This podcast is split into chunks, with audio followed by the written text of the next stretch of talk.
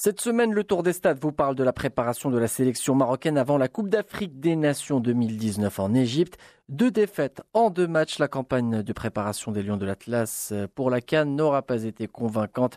Après une première contre-performance contre la Gambie, le Maroc n'a pas réussi à rassurer ses supporters au grand stade de Marrakech. La sélection euh, zambienne qui s'est imposée par trois buts à deux après avoir ouvert le score dès la première minute de jeu sur un but de Mouapé Moussonda avant que l'attaquant Hakim Ziyech n'égalise pour l'équipe marocaine à la 24e minute de jeu. À une minute de la mi-temps, la Zambie a pris l'avantage grâce au but euh, de Kings Kangwa.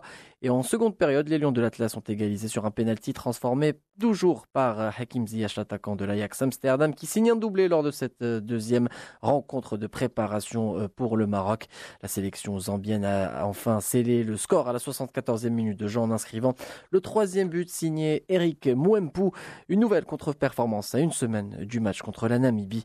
On écoute la réaction de Patrice Baumel, le sélectionneur adjoint du Maroc, qui s'est présenté en conférence de presse à la place d'Hervé Renard. On se sert de tout, des bonnes choses comme des mauvaises. Je vais vous dire quelque chose, au soir du match de la Gambie, le staff, les joueurs étaient très très déçus. On était tous déçus parce que perdre, c'est jamais bien. Ceci dit, on a, on a laissé 24 heures, on a analysé la vidéo, on a montré aux garçons et finalement, il fallait pas tout jeter à la poubelle. Quand on gagne, c'est normal, tout le monde trouve ça normal.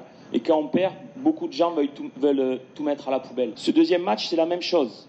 Au bout de 45 secondes, on concède un but, gag. Ça fait partie du jeu. On en tient compte. On ne le met pas à la poubelle. On n'oublie pas. Ce sont des faits de jeu qui montrent qu'il manque un petit peu d'ingrédients, de fraîcheur, de spontanéité, de première passe, de complémentarité. Mais ça, on le sait. Parce qu'on est dans le dur physiquement et on demande aux garçons de faire beaucoup d'efforts. La seule chose que je peux vous dire, c'est que dans notre expérience, on a l'habitude de faire ça pour amener les garçons dans le dur et bien sûr être prêt pour la compétition parce que la Coupe d'Afrique, c'est une compétition très difficile, aussi bien mentalement que physiquement. Et les matchs de ce soir, ça va être des matchs comme ça en Coupe d'Afrique. Et ça, on le sait. Et c'est là où il faut, aller, il faut aller chercher quelque chose ensemble. Donc, ça fait pas plaisir de se faire siffler, ça fait pas plaisir de perdre, mais je vais vous dire, ça nous motive 100 fois plus.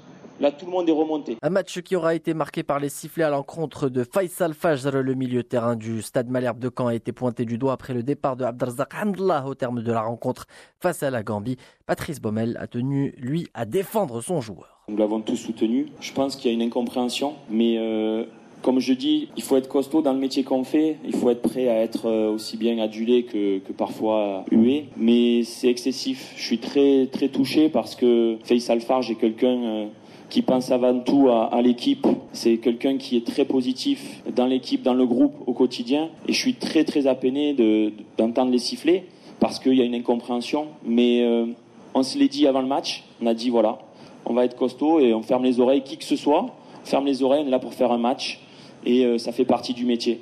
Mais sachez que Faisal Farge est quelqu'un d'extraordinaire que euh, tous les joueurs et tout le staff adorent et je pense qu'il mérite pas ce traitement mais euh, on va faire avec. Il y a quelques semaines euh, tout le monde l'adorait et j'espère que ça va vite revenir parce qu'il mérite. C'est un bon joueur et, un bon mec. Il faut dire que Faisal Fajr a été mystérieusement tenu pour responsable du départ de Abdelrazak Handlah, l'attaquant marocain, qui ne s'est pas exprimé au sujet de cet épisode. Patrice Baumel, lui, en a brièvement parlé. Sincèrement, aujourd'hui, c'est pas le problème Amdallah ou autre. Sincèrement, on est en, pleine préparation et on veut voyager en Égypte avec tous les joueurs et le staff déterminés pour être ensemble. Donc, je pense qu'on parlera de ça après et vous verrez euh, je pense que c'est pas grand chose. Euh, n'est plus là et on doit faire ça. En tant que staff et coach, on doit préserver un groupe, une équipe et l'essentiel c'est l'Égypte. Quoi qu'il en soit, il faudra vite se remettre au travail pour Hervé Renard et ses hommes puisque la Cannes débute dimanche pour l'équipe marocaine contre la Namibie. Les Lions de l'Atlas qui ont été logés dans ce groupe D où figurent également l'Afrique du Sud et la Côte d'Ivoire.